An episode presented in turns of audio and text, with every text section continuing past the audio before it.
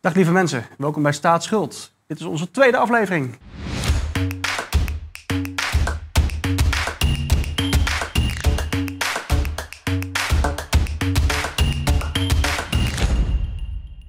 En ik zit hier met niemand minder dan Alexander Raskovic. Ik wilde heel graag een keer een aflevering maken over de concepten van, van libertarisme en vrijheid. En om een keertje te beginnen bij het begin. Waar zijn al die concepten nou op gebaseerd? En uh, ja, ik ken Alexander van hele mooie video's van Realization, zijn eigen kanaal. Waarin hij gewoon echt bij de basis begint en conceptueel gewoon heel strak uitlegt waar het eigenlijk op gebaseerd is. Dus daarom zit ik hier met Alexander. Nou, hartelijk bedankt Tom. Zeker. Ja, sinds 2022 ben ik dus uh, Realization begonnen met als hoofdthema filosofie en logica. Ik ben zelf uh, huidig een student van de economische school. Dus economie is ook iets wat ik uh, op mijn radar heb om video's over te maken.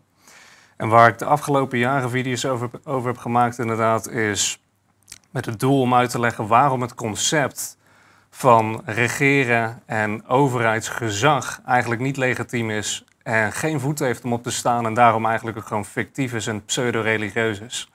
En uh, ja, ik, uh, mijn doel is om dat uit te leggen op een zo simpel mogelijke manier aan de Nederlandse bevolking en ook aan de we hele wereldbevolking met Engelstalige video's.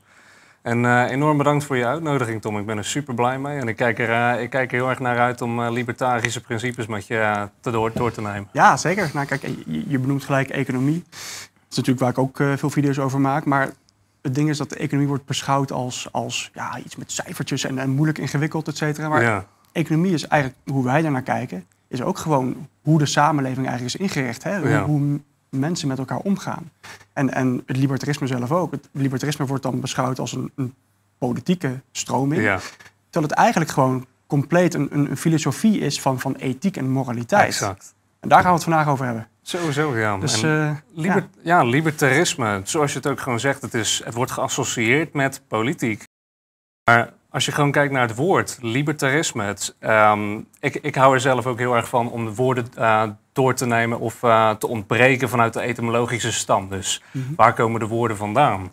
En liber, liberta, libertarisme stamt af van het Latijnse zelfstandig naamwoord libertas, wat vrijheid betekent. En vrijheid is het vermogen om je eigen keuzes te maken zonder dwangmatige beperkingen. Uh, dus leven zonder dwang. Of hoe jij het de vorige keer heel mooi had beschreven, het recht om nee te zeggen. en dat, is dus, dat impliceert dus ook dat alles vrijwillig moet zijn. Dus dat alles gebaseerd moet zijn op vrijwillige interactie en wederzijdse, uh, wederzijdse instemming en coöperatie. En dat heet, dat heet dus ook voluntarisme, wat je ook een keertje had opgenoemd. En dat is ook waar ik uh, het merendeel van mijn stof op baseer. Ja, super. Dus ja, het libertarisme inderdaad, nou, dat hoop ik dat we vandaag ook kunnen doen. Hè. We moeten gewoon echt al die, die woorden even als een ui helemaal gaan uitpluizen en afspellen van waar, waar is het nou op gebaseerd en wat is de basis daaraan. Dus, dus libertarisme is, ja, het gaat, gaat om, puur om vrijheid. Exact. En, en ja, als mensen thuis uh, zouden googlen en je googelt bij libertarisme als, als politieke stroming, dan kom je bij het, het non-agressie-principe uit. Exact. En, en eigendomsrechten. Want daar is het eigenlijk allemaal op gebaseerd. En zelfbeschikkingsrecht. En, en zelfbeschikkingsrecht, precies. En, en hoe hoe staat dat in uh, connectie eigenlijk dus met, met vrijheid? En, en waarom is dat, zou dat de basis moeten zijn? Nou, zelfbeschikkingsrecht, uh, als we daar ook gewoon een definitie voor geven, wat eigenlijk ook gewoon um, niet abstract is, het is echt gewoon logisch te substantiëren.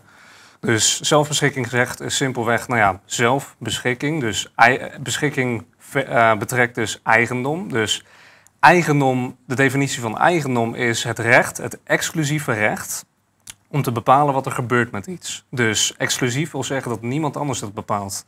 Alleen jijzelf. Mm -hmm. Dus zelf, uh, bijvoorbeeld als jij een uh, eigenaar bent van een auto of van een camera, dan ben jij en jij alleen degene die bepaalt wat er gebeurt met die camera of auto. Als ik tegen jou zeg van, hé hey Tom, zou ik even jouw auto mogen lenen? Dan is het aan jou om te bepalen of je ja of nee zegt. Jouw wil staat altijd voorop. Als ik zeg, joh, Tom, ik, uh, de kleur van je auto vind ik niks. Ik zou hem blauw willen verven. Mag dat? Jouw toestemming heb ik, altijd, heb ik altijd nodig, want jouw wil staat altijd voorop. En dat is dus eigendom hebben. Dus dat betekent dus, dat houdt het dus in dat je in bezit bent van iets. Nou, zelfbeschikkingsrecht is dat je eigenaar bent van jezelf. En als jij eigenaar bent van jezelf, hebben we het, namelijk, hebben het voornamelijk over je tijd, je aandacht en je energie. Tijd en aandacht zijn, noem ik persoonlijk ook spirituele valuta. Dus we zeggen ook heel vaak, ik besteed daar liever niet zoveel tijd aan. Ik besteed daar liever geen aandacht aan. Je zegt uh, besteed iedere keer. Dus impliciet in het woord hoor je al een vorm van beschikking. Dat jij in het bezit bent van jouw eigen tijd en je eigen aandacht. Dus jij bepaalt wat jij doet met je eigen tijd, aandacht en energie. En de vruchten van je arbeid, waar je al je tijd, aandacht en energie aan hebt besteed. Wanneer jij werkt, wanneer jij uh, middelen verkrijgt voor alle tijd en moeite en energie die jij steekt in de arbeid die jij verricht dagelijks. Alle, alle vruchten van je arbeid, dus laten we zeggen, dit kan geld zijn of bitcoin. het kan, uh, het, wat voor middel jij, jij ook um, hebt afgesproken met iemand, wat jij voor je werk, voor je tijd, voor je moeite wil verkrijgen, dat, dat, is, alleen, dat, behoort alleen, dat is alleen voor jou. Dus jij en alleen jij bepaalt dan wat er gebeurt met je vruchten van je leven. Of uh, je, de vruchten van je arbeid. Mm -hmm. Nou, waar het dan misgaat met overheid en concepten van regering is dat een overheid in principe tegen jou zegt: wij gaan jou toestaan. Het, het impliciet in wat de overheid zegt is: wij staan je toe om zoveel over te houden van wat jij deze, deze maand verdiend, verdiend hebt. Laten we zeggen, nu neemt de overheid 21% van, jou, uh, van je salaris af. Of de volgende maand wordt het 22%. Of misschien de maand daarop wordt het, dan staan ze jou weer toe om uh, wat meer over te houden. Wordt het dan 21%. Maar of het nou minder is of niet, als jij iets toestaat nogmaals, dan betekent dat het recht om te bepalen aan de ander is. Dus aan de overheid is. Dus het impliceert dus ook gewoon dat overheid beweert het exclusieve recht te hebben om te bepalen wat er gebeurt met de vruchten van jouw arbeid, waar je dus al je tijd, aandacht en energie aan hebt besteed. Mm. Wat dus ook gewoon, waar je eigenlijk gewoon een deel van je leven voor hebt gegeven. Dus je ziet in het concept van overheid is dus ook gewoon dat zij eigenaar zijn van jou. En wanneer andere mensen eigendom eh, bezit, eh, in het bezit zijn van andere mensen, dan noemen we dat slavernij. Mm, zeker. Ja, ik, vind het heel mooi dat je al die concepten benoemt. Hè. Kijk, ook, ook arbeid bijvoorbeeld. Ik vind het het mooiste om ook uit te leggen als je, nou wat, wat mensen gewoon op, op school bij natuurkunde al leren. Er is een, een definitie van arbeid, is letterlijk energie over tijd. Exact. Dat, dat is gewoon die, die formule. Hè. Als je terug naar de natuurkundeles gaat, heb je zo'n mooi driehoekje: arbeid, tijd en energie. Dus het is letterlijk gewoon menselijke arbeid is jouw menselijke energie over tijd die jij erin steekt. Dus precies wat je zegt, als jij niet eigendom zou hebben over hoe jij jouw lichaam stuurt in deze maatschappij, wat, wat jij doet met jouw lichaam, dan, dan ben jij geen eigenaar van jouw eigen lichaam. Als iemand anders daar het recht over zou hebben. Ja, exact. En um, ja, er zijn natuurlijk binnen, binnen het libertarisme zijn er heel veel uh, verschillende uh, concepten over. Ik vind het heel belangrijk ook om, om uh, even te definiëren over dus dat, dat eigendomsrecht en zelfbeschikkingsrecht. En wat jij zegt over exclusiviteit. Ja. Ik denk dat exclusiviteit heel belangrijk is om te noemen. Hè? Want als ik advocaat van de duivel zou spelen, dan zegt iedereen zegt altijd van ja, tuurlijk heb je vrijheid over te beschikken over jouw eigen lichaam, wat je ermee mag doen. Maar er zitten limieten aan want jouw vrijheid eindigt bij de vrijheid van de ander. En dat klopt, dat is ook zo. Maar dan komt het er dus op neer dat, dat andere mensen limieten aan jouw vrijheid zouden mogen uh, uh, geven. Terwijl het concept is eigenlijk omgedraaid. Het gaat om die exclusiviteit. Het gaat om dat alleen jij exclusief zou mogen zeggen wat er gebeurt met jouw eigendom. Dat betekent helemaal niet dat jij mag zeggen van ik mag alles doen met mijn eigendom wat ik maar wil. Tuurlijk. Dat, dat is altijd hoe zij het beschrijven. Ja, Dat, dat, dat, zijn is argumenten. Precies, dat is, proberen, dat is eigenlijk weer het demoniseren van het concept. Hè? Van ja, vrijheid betekent uh, dat ik gewoon uh, mensen mag neerschieten op straat. Of het, dit is mijn hamer. Mijn hamer betekent dat ik mag doen met mijn hamer wat ik wil. En dat, daar, daar dat is helemaal niet waar. Exact. En daar komen we ook weer op het principe van non-agressie uit. En non-agressie betekent simpelweg doe een ander geen schade aan. Mm -hmm. Of um, Um, geen fraude of schade in, in die zin. Maar sowieso, uh, als je het hebt over dat concept van um, vertegenwoordiging, en ik weet niet of je daar ook uh, naartoe wou, wou zou gaan. Maar um, ja, zelf ook gewoon het impliciet in het, in het concept van dat iemand anders uh, limieten aan je vrijheid mag zetten. Als jij dat zelf nooit zou kunnen doen, als jij zelf nooit bijvoorbeeld iemand anders zou onder dwang uh, iets zou willen laten doen, of uh, iemand zou bedreigen, of schade zou berokkenen aan een ander. Mhm. Als je dat zelf nooit zou doen, waarom zou je, een ander dan, zou je ooit dan een ander vragen om het voor je te doen? Nou, uiteraard zeggen de meeste mensen niet, maar wanneer je dan doorgaat naar het concept van overheid en rechten delegeren, dan, mhm. wordt het, dan, dan begin je naar de, naar de sprookjes te kijken die inherent zijn aan het concept van overheidsgezag. Ja. Want er zijn drie redenen waarom overheidsgezag eigen, niet, niet, legitiem is, niet legitiem zijn en gebaseerd zijn op fictie. En als, als jij het toestaat, is dit, dit is dan weer jouw podcast. Jij hebt het exclusief recht om te bepalen.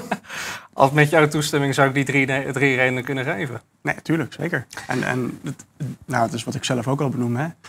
Het, het, het, naar mijn idee, als je die moraliteit en die ethiek weer terugpakt en dan de concepten uitlegt aan mensen, dan is iedereen is het daarmee eens. Als jij zegt van, oké, jij en jouw buurman, jullie hebben een enorm meningsverschil, wat natuurlijk is, want geen enkel mens op aarde is hetzelfde. Elk mens heeft ergens wel een ander meningsverschil over, zelfs met iemand waar die het bijna compleet mee eens is. Waar ligt dan de grens? Als jij met je buurman het niet ergens mee eens bent, vinden jullie dan, wie, welke van de twee buren vindt dat hij zijn mening mag opleggen aan de ander via dwang?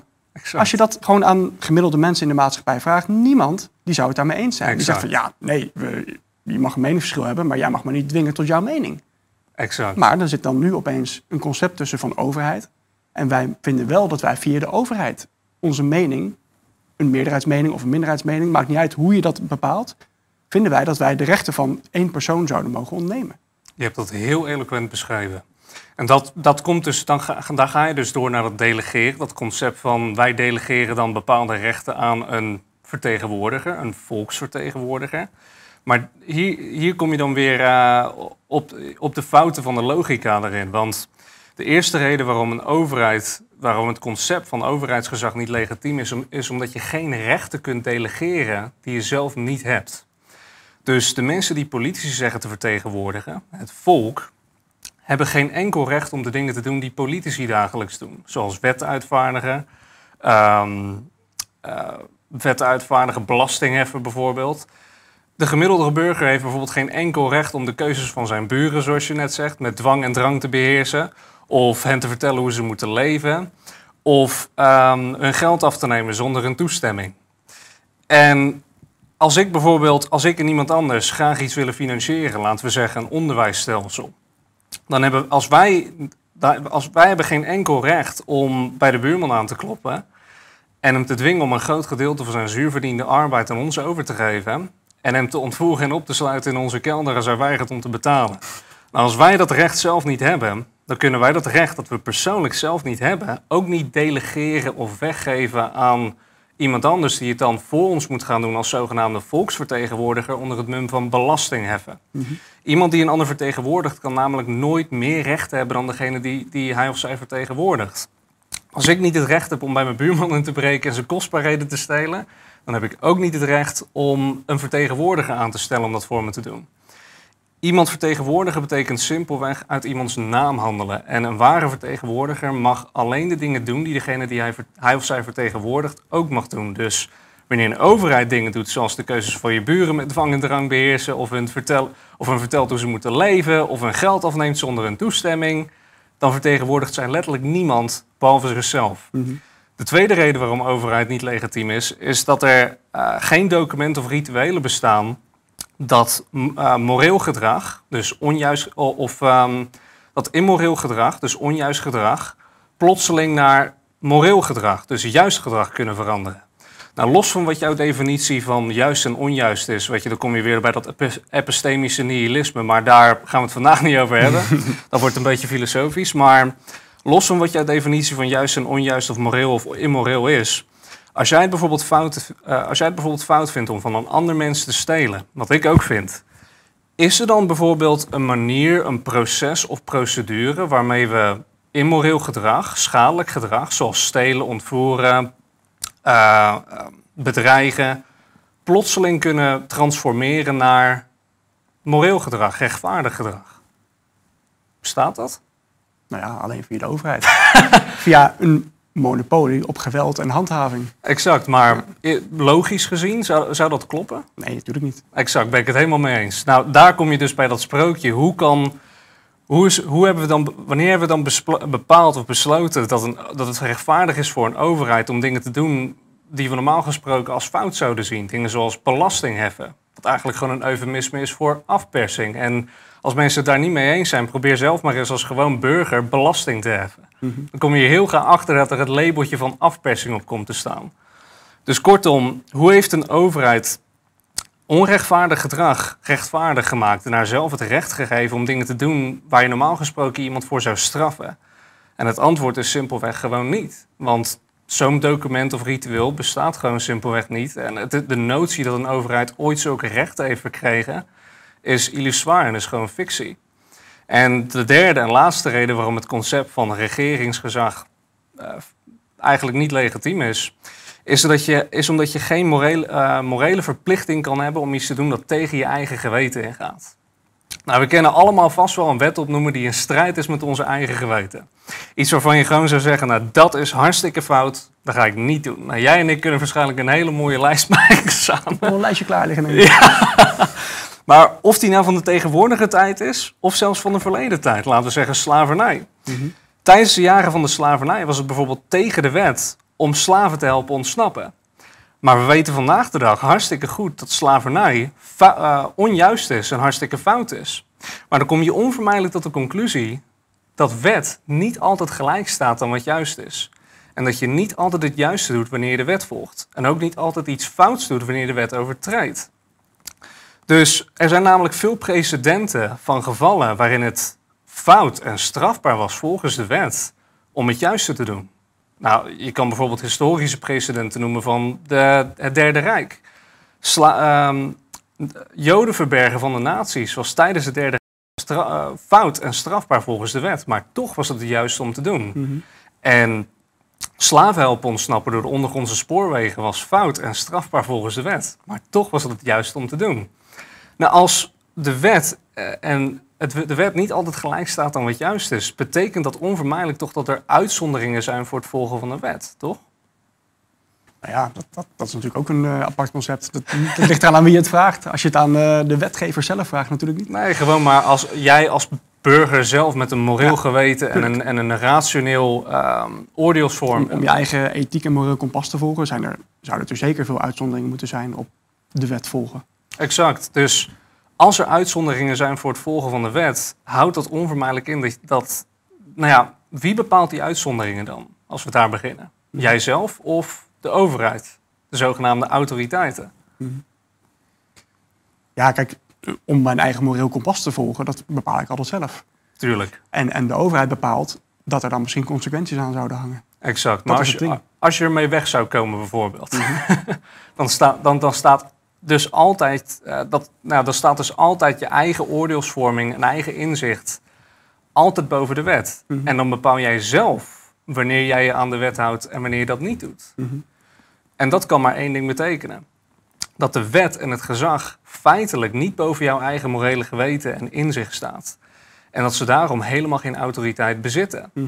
De enige autoriteit die er dan bestaat, is de autoriteit die mensen zich um, nou ja, de autoriteit, als, als die autoriteit, autoriteit afhangt van hoeveel mensen die gehoorzamen en erin geloven, dan is er geen autoriteit. De enige autoriteit die er dan bestaat is de, mensen, is de autoriteit die mensen zich inbeelden dat ze hebben. Want het zou heel vreemd zijn voor mij als ik bijvoorbeeld zou zeggen: Ik ben verplicht om te doen wat hij daar zegt, tenzij ik ervoor kies om dat niet te doen. In dat geval is er dus geen morele verplichting en is er dus ook niet zoiets als regeringsgezag. Als jij uiteindelijk degene bent die bepaalt wanneer je aan de wet houdt, uh, dan hebben zij geen gezag over jou. En het, gezag of autoriteit betekent het recht om te heersen. Wat de verplichting met zich meebrengt om te gehoorzamen. En als jij geen verplichting hebt om te gehoorzamen, dan hebben zij geen gezag over jou. En heb jij ook geen verplichting om te gehoorzamen. Het is letterlijk gewoon simpelweg een, een criminele organisatie die handelt op basis van intimidatie en geweld. Dus legitiem is het dus zeker niet. En zo moeten we het ook gewoon zeker niet gaan zien. Mhm. nou, ik vind, ja, ik vind het heel mooi dat je komen weer uh, concepten langs zou ik op kunnen inspelen natuurlijk. Mm -hmm. het, het, het, is een mond vol. Het, punt autoriteit op zichzelf al vind ik altijd een, een heel interessant onderwerp om over te filosoferen. Dan kom je weer bij, bij vrijwilligheid. Hè. Kijk, als, als, er zijn, naar mijn idee zijn er maar um, twee of drie entiteiten in de wereld die eigenlijk autoriteit eisen.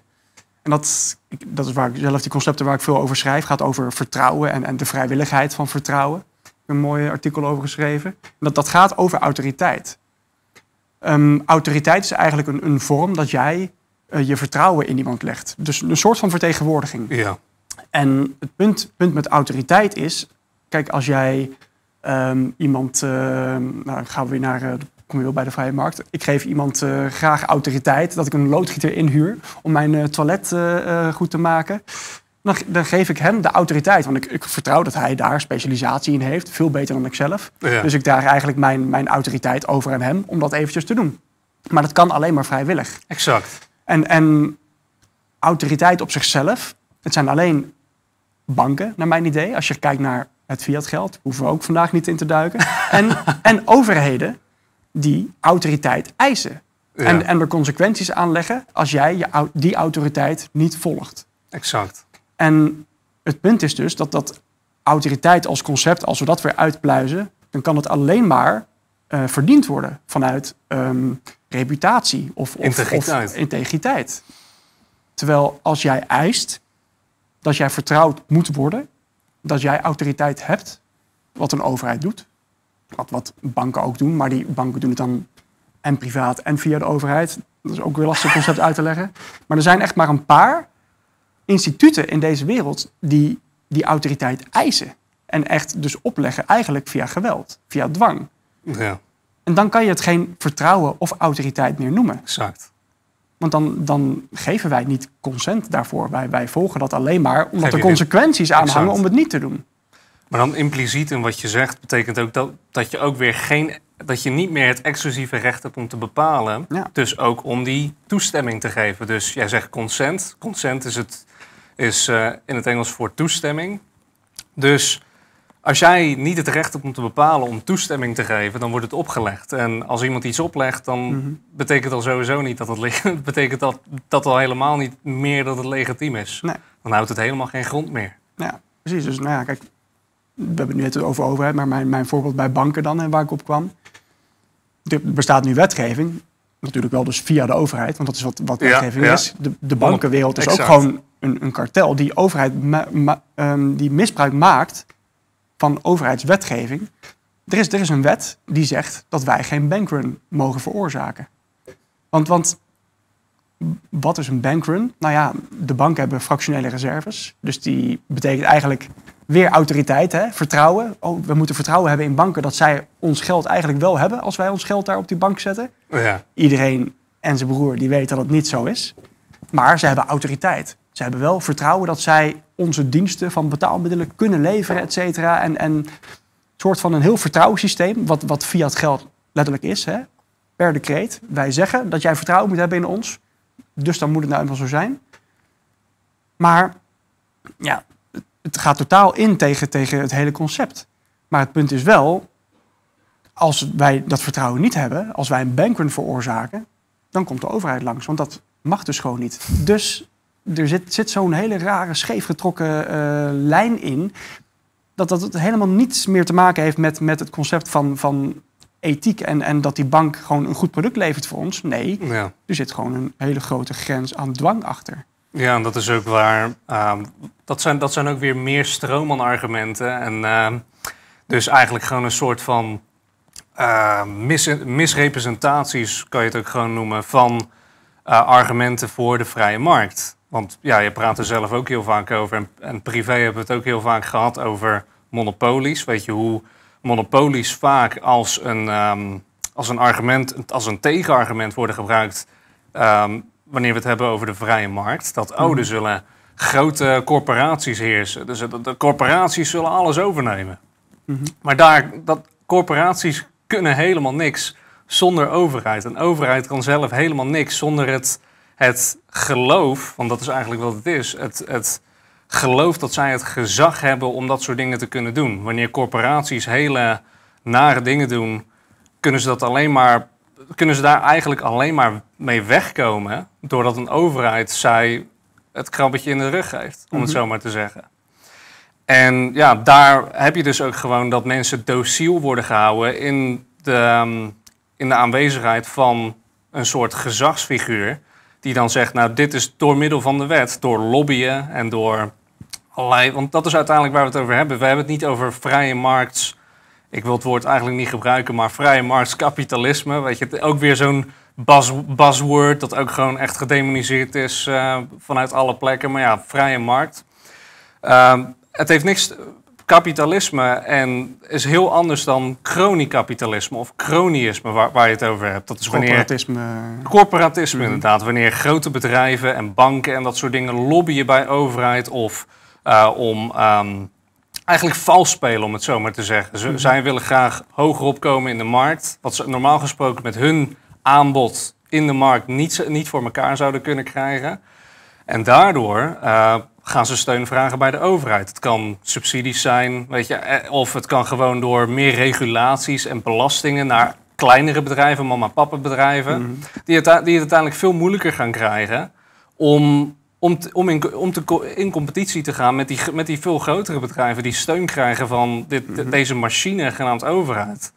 En in een vrije markt, in, in de afwezigheid van zo'n zo'n machine, zo'n overheid, kan zo'n corporatie eigenlijk vrijwel helemaal niks. Zelf niet met, met van dat soort uh, theorieën over mercenaries, dat er van dat soort figuren mhm. worden ingehuurd, waardoor mensen gedwongen worden om, uh, om producten aan te schaffen of te nemen, maar dat is natuurlijk ook hartstikke ongegrond. Nee, ja, het, is, het, is, het, zijn allemaal lastige concepten. En, en dan, als je een advocaat van de duivel speelt, dan ik snap het sentiment van, van de monopoliebedrijven en de, de big tech en big pharma. En, en ik snap het helemaal. En dat, dat is ook juist waar wij heel erg afkeer voor hebben. Want wij hebben eigenlijk, nou ja, dus we hebben afkeer voor dwang. We hebben afkeer voor een gedwongen autoriteit die, die misbruik kan maken van zijn eigen positie. Exact. En dat, dat doen monopolies. En dat doet een overheid en dat doen, dat doen verschillende entiteiten. Ja. Maar dat kan alleen als zij een, een bepaalde centrale machtspositie verkrijgen waarin zij dwang kunnen toepassen. En er is maar één, één instituut dat eigenlijk daartussen zit. En dat is de overheid. Met, die dus inderdaad de regulatie heeft van... oké, wij hebben geweldsmonopolie. Wij hebben monopolie op wetgeving. En de handhaving weer via dat geweldsmonopolie. Exact. Dus inderdaad, we hadden het net over, over concepten van, van autoriteit en vertrouwen. Als je echt een compleet vrije markt zou hebben, dan het enige wat een bedrijf heeft om, om succesvol te zijn, is zijn integriteit. Zijn uh, verdiende autoriteit. Hè? omdat zijn, zijn product een bepaalde. Um, hoe heet dat? reputatie heeft gekregen. Dus, dus die reputatie is dan alles in de markt. En dan kan je reputatie kan je krijgen door, door natuurlijk, het is heel breed. Je kan uh, lekker reclame doen en marketing en zorgen dat jouw jouw markt dan nog groter wordt, op welke manier dan ook. Maar uiteindelijk heb jij maar één bestaansrecht als bedrijf. En dat is genoeg klanten krijgen. Exact. Genoeg mensen die vrijwillig met jou een interactie en, en een transactie zouden willen doen. Exact. En de enige manier om misbruik te maken van jouw positie, vals te spelen dus eigenlijk, is als jij inderdaad kan lobbyen bij de overheid. En, en waar mensen op dit moment zo'n afkeer van hebben in de samenleving, is dat lobby eigenlijk veel belangrijker is geworden voor bedrijven om bestaansrecht te hebben dan een goed product te leveren voor de mensen. Maar dat is eigenlijk waar de markt, de vrije markt op is gebaseerd. Want het is simpelweg door goederen en diensten te leveren waar andere mensen, om het geest van Walter Williams weer even eh, naar voren te halen, om goederen en diensten te leveren in de markt waar waar je je eigen medemensen leven mee kan verbeteren. Mhm. Of weet je, heel veel mensen hebben bijvoorbeeld, uh, weet je, vooral mensen van de linkerkant, weet je, of uh, mensen die heel erg ja, grote voorstanders zijn van sociaal-democratisch socialisme, wat we eigenlijk hier gewoon hebben in Nederland. We hebben hier niet iets, weet je, we zijn wel heel dichtbij, weet je, in, uh, in een redelijk vrije markt, maar eigenlijk leven we hier niet in een vrije, in, met vrijmarktkapitalisme. We leven hier zoals Hans Herman Hoppe het eigenlijk beschreef, sociaal-democratisch socialisme. En wat je daaruit krijgt is simpelweg wat je zegt, dat, dat politiek, je, wanneer, wanneer je zo'n machine hebt, creëer je dus incentives. En een incentive is dus eigenlijk een soort, een soort motivatie om, nou ja, je kan dus, eigenlijk heb je, nou ja, ehm, er zijn altijd middelen. Weet je, je tijd, we komen weer terug bij de basis van je tijd, aandacht en energie. Dat zijn middelen, je levensmiddelen. En economie is nou ja, eh, eigenlijk simpelweg de allocatie, de, de allocatie van schaarse middelen die, alternatieve, die op een alternatieve manier gebruikt kunnen worden. Dus wanneer jij bijvoorbeeld um, eigenlijk al je levensmiddelen kan besteden aan een goed product leveren. Dag, weet je wat, wat, wat een echte ondernemer eigenlijk doet? Gewoon dag in en dag in gewoon keihard werkt om iets te verzinnen, om iets te creëren, een cursus of iets waar andere mensen hem voor zouden willen betalen, waardoor hij een, uh, een, een, zelfstandig, een zelfstandige bron van inkomen kan verdienen. Nou, dan moet je iets kunnen creëren waar andere mensen wat aan hebben. En nou ja, waar andere mensen graag hun geld aan, aan willen besteden. En dat is vaak dus iets waar ze wat aan hebben. Mhm. Dus bijvoorbeeld het kan zijn door iets dat, dat hun leven makkelijker maakt.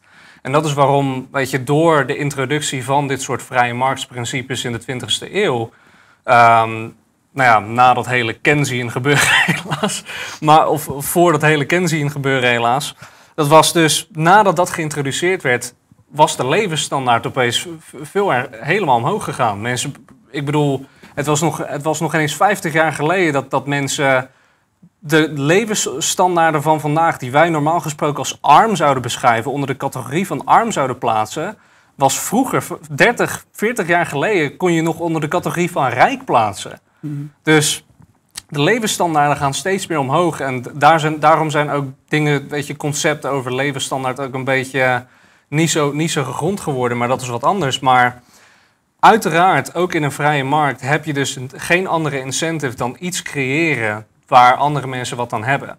Dus jij kan al je levensmiddelen daarin steken. Maar wanneer er een overheid is van hé, hey, als jij ons meer macht geeft, want daar hebben zij ook weer profijt aan. Dat zij meer macht krijgen, weet je. Nou, we kunnen temporele regulaties en regel, regels en wetgeving uh, implementeren. Um, maar dan is het maar temporeel, dan is het maar tijdelijk. Maar ja, uiteraard, dat, dat is, we kennen, we kennen het, uh, het modus operandi van, uh, van, de, van de politiek wel, ze liegen altijd. Dus zij, de, de, de corporaties kunnen lobbyen en de overheid kan uiteindelijk meer regels en wetgeving creëren, waardoor zij meer macht krijgen, meer belasting kunnen kunnen um, innen. En zo uiteindelijk heb je dus die conglomeraat waar je het over hebt tussen corporatie en staat. Mhm, ja. ja, ik wil daar dan de, de kanttekening bij zetten. Hè, want wordt altijd een beetje als, als uh, zo negatief en uh, misschien een terug uh, um, beschouwd. Maar het punt is, het, het, gaat, dat is waar wij de Oostenrijkse school van economie ook voor volgen. Het gaat alleen maar over die, die belangenstructuren in de maatschappij die je creëert. Exact. En, en de vrije markt is er eigenlijk altijd. Hè? Want, want, bedrijven zullen altijd in hun eigen belang handelen. Alle individuen zullen altijd in hun eigen belang handelen. En dat is ook de manier om, uh, om, om, iets te, om, om gezond te leven, vind ik. Zeker. En, en, maar het punt is dus, zodra er een overheid is die subsidies beschikbaar stelt of die, die uh, lobby uh, mogelijk maakt om, om te zorgen dat jouw marktaandeel groter wordt, dan is het in belang van die bedrijven gewoon om te lobbyen. En is het in, in belang van bedrijven om te zorgen dat zij zoveel mogelijk bestaansrecht hebben voor hun bedrijf in de markt. En dat, dat, zal er altijd zijn. Dus het, het gaat helemaal niet om, we moeten het gewoon een beetje objectief beschouwen als van, het gaat niet om, om kwaadaardigheid en wie nou het meeste fout zit. Het gaat er gewoon om, de centrale machtsposities zijn altijd het probleem. En precies wat jij zegt, kijk, modus operandi van politici is om te liegen. Nou ja, daar ben ik het mee eens. Maar ik durf echt nog wel te zeggen dat er politici zijn die van zichzelf vinden dat zij ethisch handelen, et cetera. Dat, dat, als we gewoon puur objectief kijken, dan gaat het erom dat ook een politicus zal altijd in zijn eigen belang handelen. Ja. En ook een ambtenaar. En, en het, het ding is, daar zie je ook gewoon dat er vriendjespolitiek en corruptie en netwerkcorruptie aan ontstaan is omdat zij in eigen belang handelen. Dat is, dat is uiteindelijk gewoon logisch. Wat was de citaat van Thomas Sol ook alweer? Um, de, de, de motivation of a... Ik, ik, het is gewoon geparafraseerd. Ja, ja. The motivation of a politicus is to get elected and uh, two things. To get elected and number two, to get re-elected. Ja, ja. ja, precies. Hij begint, hij begint andersom geloof ik van... Um, om, om jou te vertegenwoordigen staat altijd pas op plek drie. Want om jou te kunnen vertegenwoordigen moet hij eerst um, elected worden. En daarna moet hij weer re-elected worden. Dus, dus tijdens zijn proces om jou te vertegenwoordigen... moet hij daarnaast ook heel veel marketing doen. En, en zijn zo'n lobbyisten hè, waarvan hij het geld nodig heeft om die marketing te kunnen doen. Die hele belangenstructuur zit gewoon nou eenmaal zo in elkaar. Dus daardoor zie je gewoon dat die onethische stromen, wat, wat wij ook een red race noemen bijvoorbeeld, ja, dat, dat komt altijd gewoon, dat is een heel natuurlijk organisch proces als jij de belangen al zo scheef zet aan het begin. En daardoor is, is het libertarisme en de Oostenrijkse school van economie, die, die willen juist heel erg bij die wortels beginnen. Van kijk nou naar waar het systeem vandaan komt en waar de, de, de moraliteit en de ethiek op gebaseerd is. Hoe kunnen we dit veranderen? Dat kan alleen bij die wortels. Om, door de, de, belangen in de maatschappij te veranderen. Niet door, ja, toch, toch wat, wat politici vaak doen, die, die zijn alleen maar bezig met um, symptoombestrijding eigenlijk. Van, kijk nou, ja, uh, we hebben huisjesmelkers, we hebben monopolies, we hebben al die, die dingen die wij eigenlijk onethisch vinden in de maatschappij. Laat ons het maar voor jullie oplossen. Want wij hebben wel het belang dat wij in ieder geval ook bestaansrecht hebben hè, als politicus, als ambtenaren. De ambtenaren gaan niet zeggen, ja, um, het is in jullie uh, belang om mijn baan weg te bezuinigen. Dat, wie gaat dat zeggen? Dat, dat kan gewoon niet. Dus daardoor zie je gewoon die belangenstructuur in de maatschappij is gewoon zo verweven. Exact. En je hebt het ook gewoon. Um, daarvoor had je het ook over machtsstructuur. Eigenlijk kan een, een bedrijf of een handelaar altijd alleen maar uit op basis van integriteit en reputatie handelen. Zonder die reputatie. Het is, het is eigenlijk gewoon heel simpel. Als jouw reputatie. Dat is eigenlijk ook gewoon hoe, waarom je kan vertrouwen op vrijheid. Heel veel mensen hebben heel veel wantrouwen over vrijheid. Nou, dit is een reden waarom je dat niet hoeft te zijn reputatie en integriteit. Mhm. Als jij iets doet, laten we zeggen, er komt uiteindelijk op. Ehm, het, het, wordt uiteindelijk bekend dat jij iets hebt gedaan waar je hebt andere. Ehm, bijvoorbeeld, uh, je hebt iets gedaan wat eigenlijk niet ethisch is, of je hebt iets gedaan, je hebt iets tegen je belofte gedaan, of noem maar op. Dan heb jij altijd, dan staat het altijd vast in je reputatie. En uiteindelijk zullen mensen gaan denken, nou, dat is een bedrijf die heeft dat, die heeft dat gedaan, die heeft dat gedaan. Hmm. Ik ga twee keer nadenken voordat ik wat bij hem koop. Nou, hij heeft een clean slate. Nou ja, clean slate, hij, is, hij is gewoon heel erg schoon. Ik ga toch bij iemand waar hij mee in competitie is. Dus dan, weet je, reputatie, dat geeft mensen, doordat alles door, door middel van reputatie en integriteit gaat, geeft dat mensen nogmaals een incentive, een mhm. motivatie om zich te gedragen. Ik persoonlijk ben uh, niet. Uh, ik, ik persoonlijk hou van vrijheid niet omdat ik mensen vertrouw. Nou, de mensen die mij persoonlijk kennen weten dat ik er heel anders in sta. Mhm. Maar ik doe dat juist puur omdat ik weet dat het maakt niet uit of ik mensen vertrouw of niet vertrouw. De markt is simpelweg zo ingesteld. Het is een mechanisme. Het is door wetten ingesteld. Het is niet, het is niet gebaseerd op abstracties. Het wordt zo ingesteld dat de, dat de slechte rikken, altijd het wordt het altijd betaald ze worden het altijd betaald gezet. Hmm. Door simpelweg, door, de, door hoe, hoe mensen hun uh, levensmiddelen investeren en besteden. Het wordt op die manier gestuurd. En wanneer je mensen een machtspositie geeft, wanneer er een machtspositie is, genaamd overheid, dan, dan, dan haal je die incentive weg. Want nu geef je mensen, oh, maar nu geef je mensen, geef je die grote bedrijven, geef je de vrijheid weer om, ja, om toch in plaats van op integriteit en op basis van um, op, reputatie te handelen. Nou, nu heb je een mogelijkheid om andere dingen te doen. Om, milieu, om, de milieu te, om het milieu te vervuilen. Om, om dingen te doen waar we normaal gesproken uh, zouden zeggen: hé, dat klopt niet. Dat zou je mm. niet mogen doen. Ja. Nou, nu kunnen ze ermee wegkomen, omdat het door, door middel van wetgeving Precies. Rechtvaardig, rechtvaardig is gemaakt. Wat dus eigenlijk niet kan. Ja, nu een tijdje in het gesprek, uh, een paar minuten geleden, zei je dat wetgeving alleen maar is voor, voor als je eraan houdt. Hè? Dat, dat, dat is ook een concept. Nou, dat eigenlijk, als je het gaat naar de, de Griekse oudheid, volgens mij, het was Socrates naar mijn idee, die, die zei zelf al, wetgeving is alleen voor de mensen die zich eraan houden. Dus wetgeving is ten alle tijden de basis. Wetgeving is alleen maar voor de ethische mensen. Want criminelen houden zich überhaupt niet aan wetgeving. En, en als je kijkt, in de, de huidige maatschappij wordt het ook al vaak gezegd, hè, um, een, een boete voor te hard rijden is dat, betekent dat nou eigenlijk dat, dat te hard rijden niet mag? Of is het eigenlijk als je het concept helemaal plat slaat, betekent alleen maar um, ja, te hard rijden mag voor deze prijs? Exact. Wat je dus eigenlijk, nou ja, wat, eh, het is eigenlijk gewoon een, een paradox om te zeggen, nou, criminelen houden zich niet aan de wet, dus we hebben meer wetten nodig. Ja. nou, wie zou daar nou weer van profiteren, denk ik? Ja, precies. precies. En wat je zegt, als we kijken naar, naar regulatie en de wetgeving van de overheid. Ik gebruik het, het, vaste argument altijd met uh, Jeff Bezos. Want Jeff Bezos is natuurlijk super evil. Ja. En ik ben het ermee eens dat hij compleet onethisch handelt in hoe hij zich manifesteert in de markt. Maar het punt is, dan, dan heb je aan de andere kant heb je een, een Bernie Sanders. En Bernie Sanders is super socialistisch en die zegt van ja, de, de arbeiders moeten opkomen tegen die, die evil uh, Jeff Bezos. Maar dan hoor je ze op een, op een gegeven moment hoor je ze hetzelfde pleiten. Je hoort uh, Bernie Sanders die zegt samen met de vakbonden, ja, het minimumloon moet omhoog. En aan de andere kant, Jeff Bezos hoorde ik laatst heel erg lobbyen voor het minimumloon moet omhoog. en dan, dan, normaal gesproken zou je zeggen, oké, nu moet er wel kortsluiting komen bij mensen. Ja. Want, nou ja, en dan denk ik, nee, het is, het is super logisch te redeneren. Want waar heeft, Jeff Bezos heeft al echt een hele grote monopoliepositie. Hij bezit echt super, super groot aandeel van de markt als je gaat kijken over alle producten die mensen lekker thuis laten bezorgen. Wat, ja, de, de retail, eh, de winkels, die zijn sowieso al het verdwijnen uit het eh, straatbeeld. Want iedereen laat het lekker thuis bezorgen. Het is uiteindelijk ook makkelijker.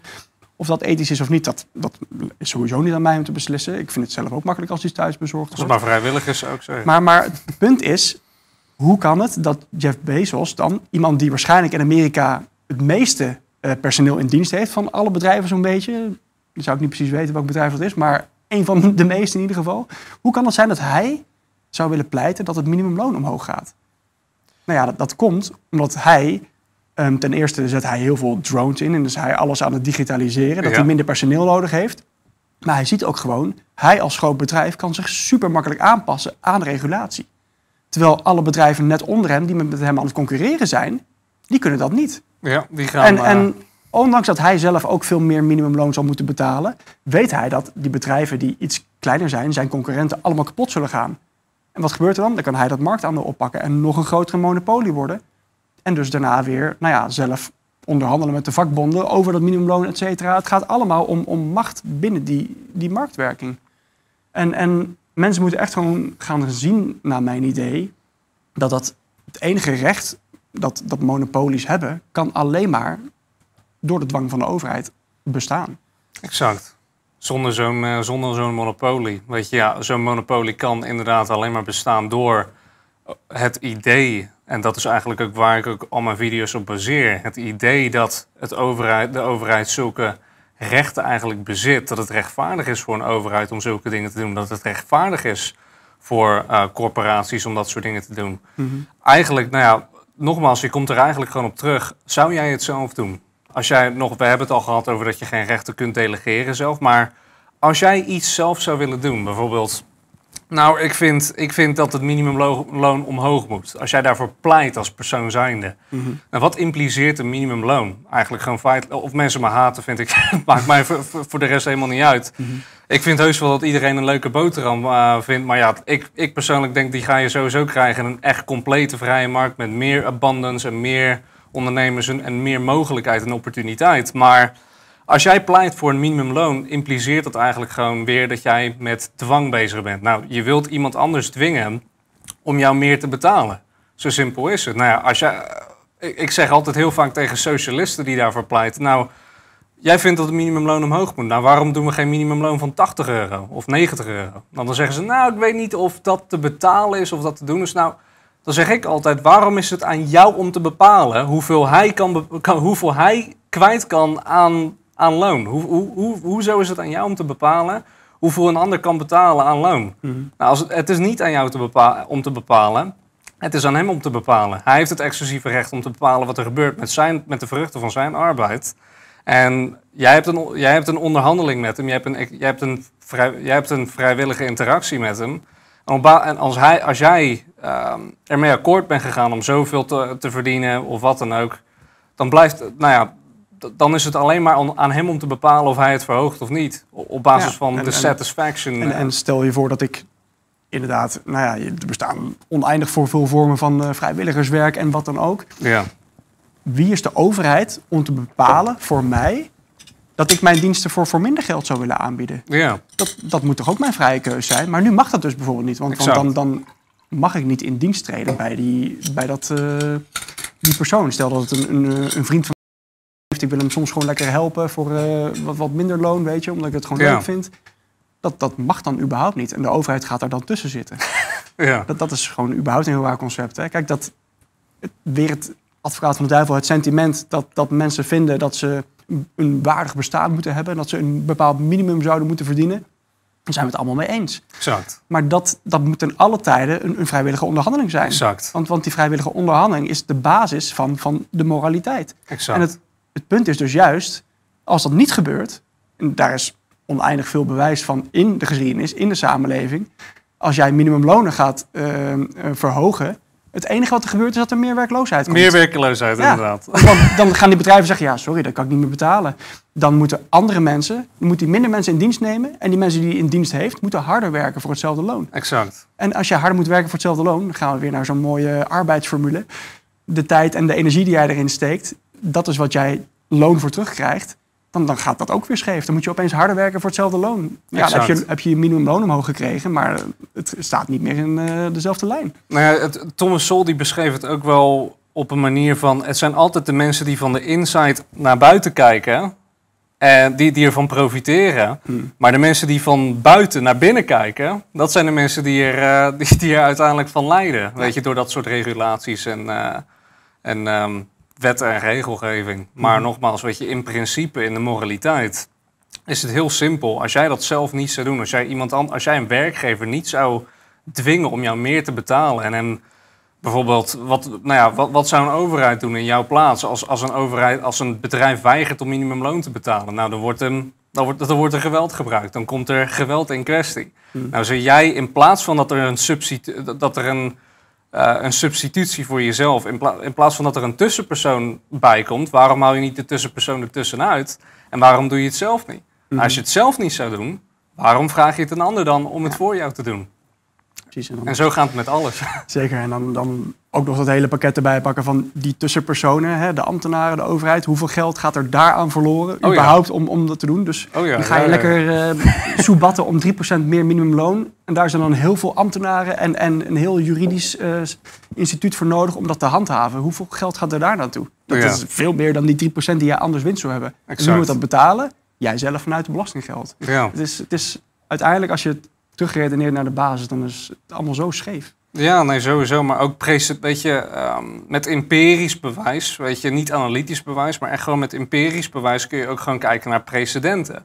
Weet je, en wanneer ik, want dit noem ik eigenlijk socialisme, weet je, regulaties, um, uh, bijvoorbeeld prijscontrols en dat soort dingen, dat, dat noem ik, dat plaats ik onder de categorie van socialisme. Hmm.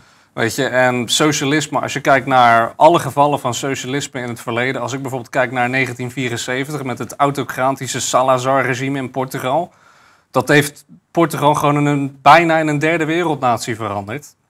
En bijvoorbeeld ook een, wat, ik het, of, uh, wat ik het mooiste geval vind om naar te kijken is bijvoorbeeld Oost, eh, uh, Duitsland in de, in de Koude Oorlog, bijvoorbeeld met West-Duitsland en, en Oost-Duitsland. Want tussen 1949 en 1966 had je gewoon, was West-Duitsland echt had de vrijste markt in heel, in heel Europa. En daar had je dus ook het meeste welvaart. Echt na, tot 1961 was, was iedereen aan het emigreren naar, naar West-Duitsland. Omdat er zoveel opportuniteiten waren om te werken en om iets van jezelf te maken. Hmm. Maar na 1969 of ja, voordat ik daarbij kom, weet je, dat was ook waarom ze die muur gebouwd hadden. Omdat mensen uit Oost-Duitsland allemaal aan het vluchten waren van die socialistische regimes in Oost-Duitsland. Want ja, je kan niks van jezelf maken. Alles is gereguleerd, alles wordt uh, gesurveilleerd. Je kan, er is geen vrijheid. Weet je, en dat je zulke mooie gevallen van mensen die gewoon met, met weet je, die, die, um, die een beetje, die, het, was, het was een soort luik en dan had iemand een beetje net iets meer uh, gas uit zijn wielen gedaan om er net onder rond te rijden met zo'n uh, Cadillac of zo. Gewoon zo. Maar ja, het punt is gewoon, mensen hebben zoveel moeite gedaan om, om uit West-Duitsland te vertrekken. Socialisme ja. is zo, zo sterk dat je, de, ja, dat je zo sterk tegengehouden moet worden om er niet uit te vluchten. Daar komt het op Exact, ja. Maar ja, weet je, ook met, met West-Duitsland helaas had je dus na 1969 had je dus ook gewoon dat socialistische regimes werden geïntroduceerd. En uiteindelijk ging het allemaal aan flarden. Weet je, je, je, kreeg gewoon, je kreeg dat hele geval met intellectuals en science en dat soort dingen. Dat ermee in ging mengelen, weet je. En uiteindelijk werd alles gewoon gecentraliseerd en gereguleerd. En toen ging alles omlaag. En ja, na 1982 hadden ze zoiets van, joh, dit gaan we, we zijn er klaar mee. Weg met, weg met uh, megacentralisatie en socialisme. Mm. Ja, nou, maar ja, nog steeds is het wel uh, een hoog niveau helaas. En je ziet wat het, wat het nu doet met Duitsland. Duitsland was inderdaad echt, ja, het was, was de productiestaat van, van heel Europa. Hè? De, de, de, grootste welvaart. En eigenlijk hoe, hoe, wij naar welvaart kijken, gaat het juist om productie. Wat, wat je echt voor goederen levert waar de maatschappij iets aan heeft. Niet aan het, het economische BBP-cijfertjes die ze omhoog krijgen ja, met inflatie. Dat gewoon dat, abstract totaal, is. En, totaal gemanipuleerd. Maar Duitsland was echt, echt productie, was het echt het beste land van Europa. Exact, ja. En wat zie je nu? Nou ja, door de, de, de prijsregulaties uh, um, op, op uh, energie, et cetera, en alles wat ze nu mee bezig zijn. Duitsland is compleet aan het instorten. En, en juist alle productie is uit de hele westerse wereld zich aan het verplaatsen. Nu in Nederland ook. Nederland zeggen ze ook al, komen nu zelfs gewoon uit de mainstream uh, media, moeten ze artikelen zeggen en moeten ze gaan toegeven. Ja, de, door onze regulatie zijn steeds meer bedrijven zich gewoon naar het buitenland aan het verplaatsen. Ja. Want het is niet meer op te brengen. Dus ja, ja dan gaan we toch weer naar de vrije markt die altijd aanwezig blijft. De belangen van de ondernemers, de belangen van de individuen, volgt altijd de weg van de minste weerstand. Dus als jij daar een, alles probeert door die trechter van regulatie heen te werken, de vrije markt wint altijd en uiteindelijk zie je gewoon dat er werkloosheid, geen productie meer komt en dat, dat de hele economie kapot gaat. Ja, want je geeft mensen letterlijk een incentive, een motivatie om niet te produceren. Ja. Of ja, je geeft mensen een disincentive om te produceren. En mensen een, dus je motiveert mensen om niet te produceren. En je motiveert mensen uh, om. Of uh, je, je motiveert mensen om niet meer te gaan produceren. En om meer aan leisure te besteden, aan consumptie. Mm Weet je, dus gaan, dan, dan geef je mensen motivatie om niet meer productief te zijn. En productie is eigenlijk waar welvaart op is gebaseerd. Zonder productie heb je geen welvaart. Nee. En dat is ja, helaas hoe de werkelijkheid in elkaar zit. Weet je, ja, er moet iets. Nou ja, ik, ik persoonlijk zeg niet dat we een complete, weet je, het schaarste model of wat dan ook, dat, daar, dat het daarop gebaseerd is. Maar ja, uiteindelijk heb je, is er niet altijd genoeg. Weet je, er zijn dingen waar, waar, schaar, waar, waar, je geval, waar, je, waar sprake is van schaarste. Dus ja, dan is er altijd met schaarste economie, simpelweg vrije markt, gaat puur om hoe, wordt, hoe worden schaarse middelen gebruikt. Weet je, wat mhm. zijn de alternatieve manieren waardoor je schaarse middelen gebruikt? En met, um, daarom heb je ook altijd met socialisme dat er heel laks en uh, heel, heel onceremonieus met middelen uh, omgegaan wordt. Wanneer, ze, wanneer er geen incentive is om het, om het, om het, uh, om het te behouden. Omdat er uiteindelijk, ja, de, de, de waarde van die, van die dingen gaan omlaag. Dan kan je het niet meer verkopen voor zoveel. Mm -hmm. Dus met, met dat al en, en ja, we hebben het eigenlijk. Dit zijn, dit zijn natuurlijk. Kijk, we hebben termen voor vrije markt en kapitalisme. Maar dat zijn uiteindelijk ook weer labeltjes. Maar uiteindelijk hebben we het gewoon over de werkelijkheid. In de werkelijkheid, als jij op een, op een ethische, op een morele manier wilt onderhandelen met andere mensen. Is dat, is dat altijd door, door middel van vrijwillige interactie en wederzijdse coöperatie. En dan gaat het door middel van exchange, dus uh, quid pro quo. Ik doe iets voor jou, jij doet iets voor mij. Ik geef jou iets wat jij, waar jij waarde in ziet, jij geeft mij iets waar, waar ik waarde in zie. En dat is hoe het altijd gaat. Nou, bijvoorbeeld, en, en ja, de substitutie die, die daar, of eh, de tussenpersoon die daarin midden komt, is, is geld bijvoorbeeld. En ja, dat is de, daar gaan we het niet helemaal over hebben bijvoorbeeld. Maar ja, als ik bijvoorbeeld um, iets met geld, is, geld wordt ook heel erg gedemoniseerd. Van joh, we moeten, we moeten van geld af en wat dan ook. Maar ja, geld, zelf is niet, vind ik persoonlijk niet de, de, de, demon in de kamer. Weet je, het is gewoon letterlijk een. Het, impliciet in, in het concept van geld is simpelweg een, iets dat waarde representeert. Dus, en, en het kan heel handig zijn. Bijvoorbeeld als ik in. Ik, ik, ik wil geen jaren een. Ik wil geen opleiding volgen voor jaren om een auto te kunnen bouwen. Nou, iemand anders weet dat veel beter dan ik. Nou, dan kan ik bijvoorbeeld iets, in, in plaats van dat ik hem bijvoorbeeld een zak, een hele 10.000 kilo aardappelen geef, iets waar, waar hij uh, waarde in ziet. Nou ja, dan heb ik liever middelen waar, waar hij waarde in ziet in de vorm van geld. En dan krijg ik een auto van hem. En dan kan hij dan weer iets, iets uitbesteden aan bijvoorbeeld iemand die heel goed huizen kan bouwen. En dan hoeft hij het zelf niet meer te doen. Iemand anders kan het voor hem in de plaats doen. Ja, ja precies. Dan moet wel onderscheid maken tussen, tussen het huidige, de euro en het fiat geld. Hè, nee, sowieso. Ja, ja, ja, dat, dat heeft geen maar, waarde maar, meer. Maar, maar geld geld als concept van universeel ruilmiddel. Exact, dat, ja. dat dient de mensheid enorm. En, juist, juist hoe dat ook organisch in de geschiedenis ontstaan is, is dat, heeft het juist welvaart gebracht. Het heeft ervoor gezorgd dat een visser die supergoed is in, in vissen, maar een bederfelijk product heeft. Dus hij kan niet ehm 10.000 vissen verzamelen om tegen een huis te ruilen. Ja, Wat sowieso, ja, iemand die een huis wil verkopen, wat heeft hij aan 10.000 vissen? Dat, dat, dat werkt ook niet. Een Ja. universeel ruilmiddel heeft echt enorme dienst in deze wereld. Het, is, het dient de mensheid enorm. En dat, dat is wel een heel belangrijk concept ook.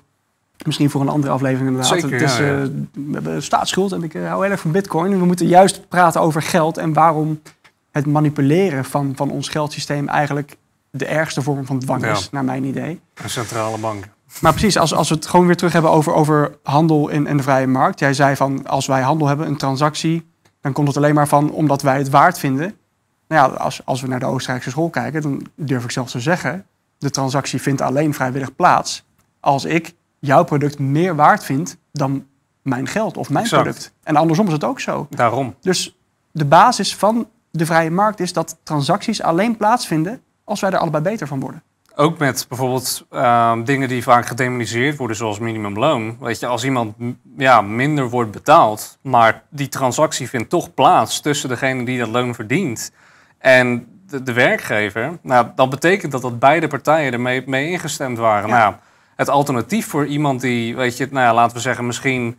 Want ja, het- met economie heb je altijd talent en kapitaal. Maar ja, stel nou, je hebt bijvoorbeeld geen want ja, om, om in de markt te streven heb je uiteindelijk vaardigheden of skills nodig waar, waar andere mensen voor willen betalen. Nou, als je daar minder van hebt, dan heb, dan, dan heb je heel vaak baantjes waar minder voor betaald worden. En nou ja, dan heb je bijvoorbeeld dingen zoals een scho- schoonmaken of gewoon van dat soort lagere dingen. Maar uiteindelijk is dat een, een, een, lager, een lagere loon is beter dan helemaal geen loon. Mhm. Snap je? Dus die, die abstractie of ehm, die transactie vindt sowieso plaats, omdat het alternatief is erger dan wat je ervoor krijgt. Ja. En uiteindelijk is er altijd nog kans om op te bouwen. En dat is, nou ja, als jij mensen gewoon vrijwillig transacties maakt, ook al hoe, weet je, ook al zit je helemaal in je messiah-complex, weet je, van, eh, oh, dat, dat vind ik zo erg, daar moet een eind aan komen. En uiteindelijk doe je meer kwaad dan goed. Zeker. En, en dat is ook nog een heel mooi voorbeeld wat je nu benoemt. Hè?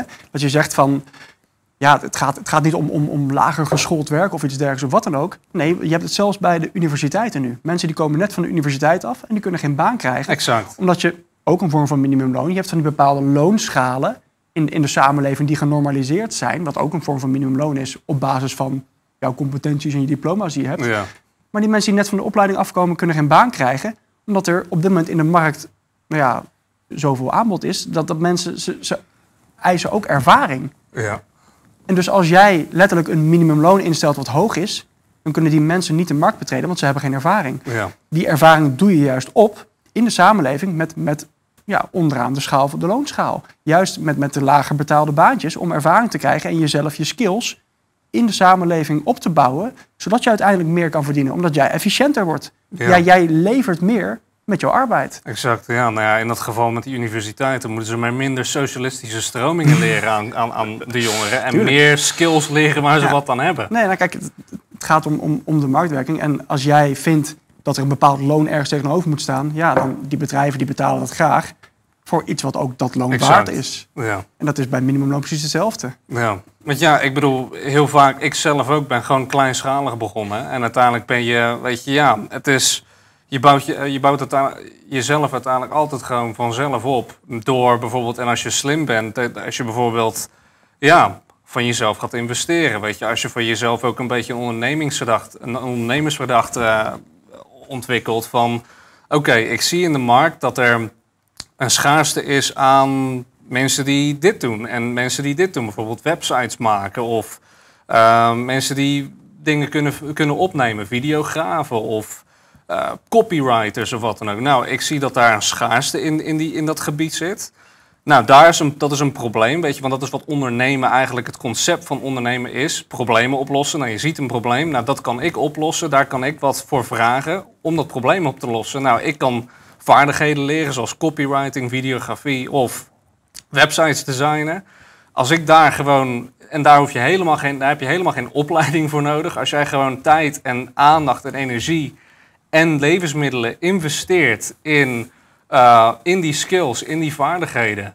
En om ze uiteindelijk te honen, dan kom je uiteindelijk, dat, dan zal er altijd wel iets zijn waar, waarbij je terechtkomt op een positie van, nou, nu weet je, heb ik geïnvesteerd in vaardigheden. Nu kan ik meer vragen voor mijn tijd en eh, voor mijn uur, weet je, voor de uren die ik besteed aan werk.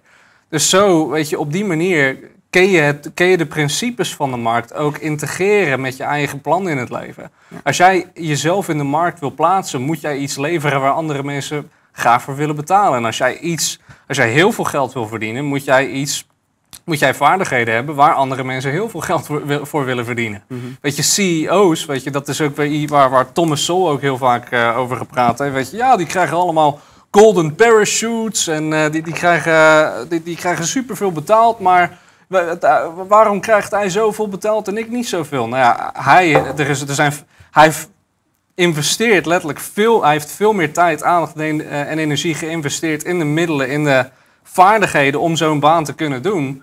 Plus, ook nog, het, het vergt ook nog eens veel meer investering van jezelf. Weet je, je bent veel meer tijd. Je bent, die mensen krijgen veel sneller een burn-out dan iemand bij, die, die gewoon in een winkel werkt. Hmm. Dus ja, en uh, nou ja, met, met het geval van die golden parachute. Ik bedoel, een rechtszaak tegen zo iemand is al veel duurder dan een golden parachute. Ja, dus zeker. Dat, in dat geval, dat... Uh... En, en dan natuurlijk zijn er wel, is dat gedeelte ook scheef getrokken. Hè? Ik ben het er compleet mee eens dat er heel veel CEO's in Nederland zijn die veel te veel verdienen en een golden parachute hebben. Als we het hebben over ambtenaren bijvoorbeeld, hè, dat vind ik ook nog het, het ergste. Er zijn heel veel mensen van mijn leeftijd, veel vrienden die ik ken, die gaan allemaal voor de overheid werken. Want de overheid die biedt betere loonschaal, betere voorwaarden, betere verzekeringen, zorgverzekering, alles wat er maar bij hoort, auto van de zaak. Veel beter dan dat de vrije markt kan bieden.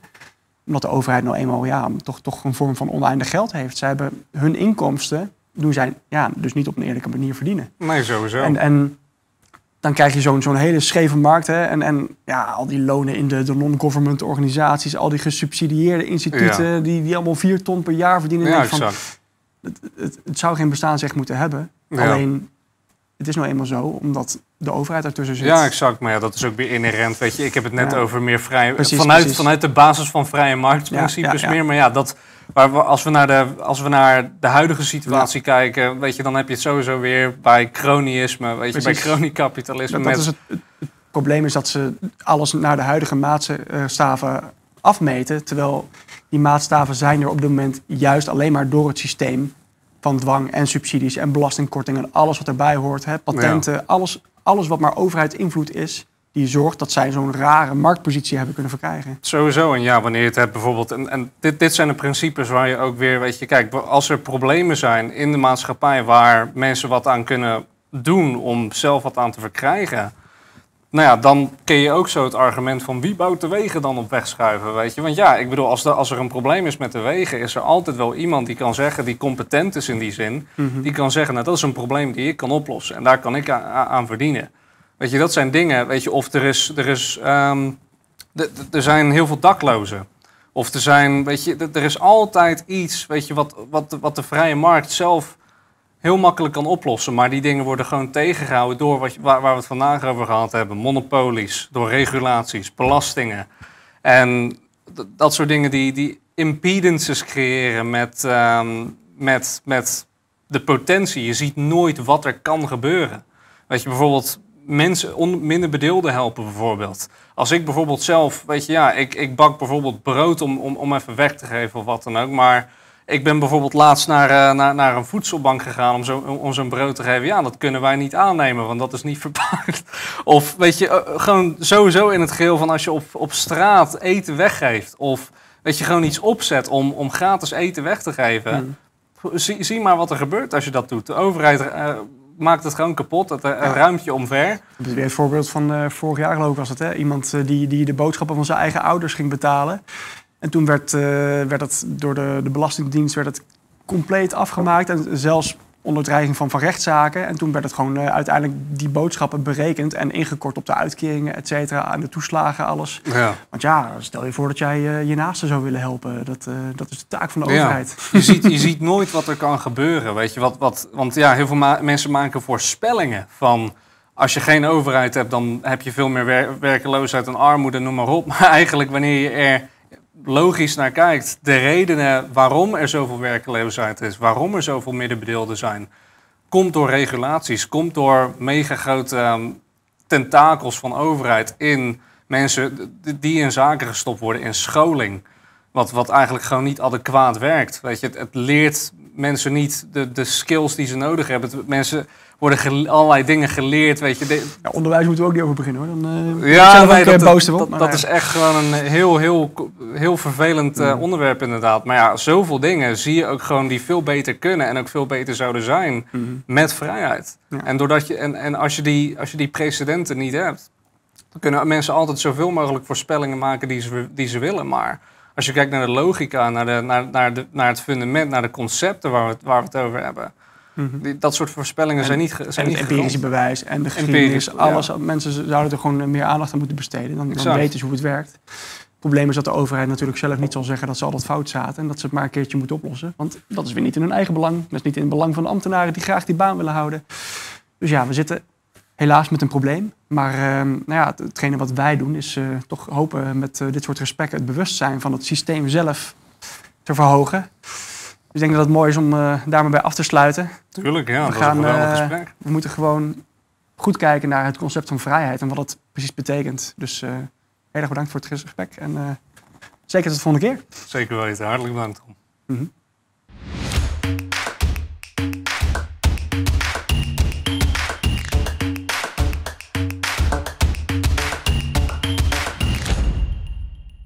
En lieve mensen, vergeet het niet. Café Weltschmerz doet het allemaal op basis van donaties.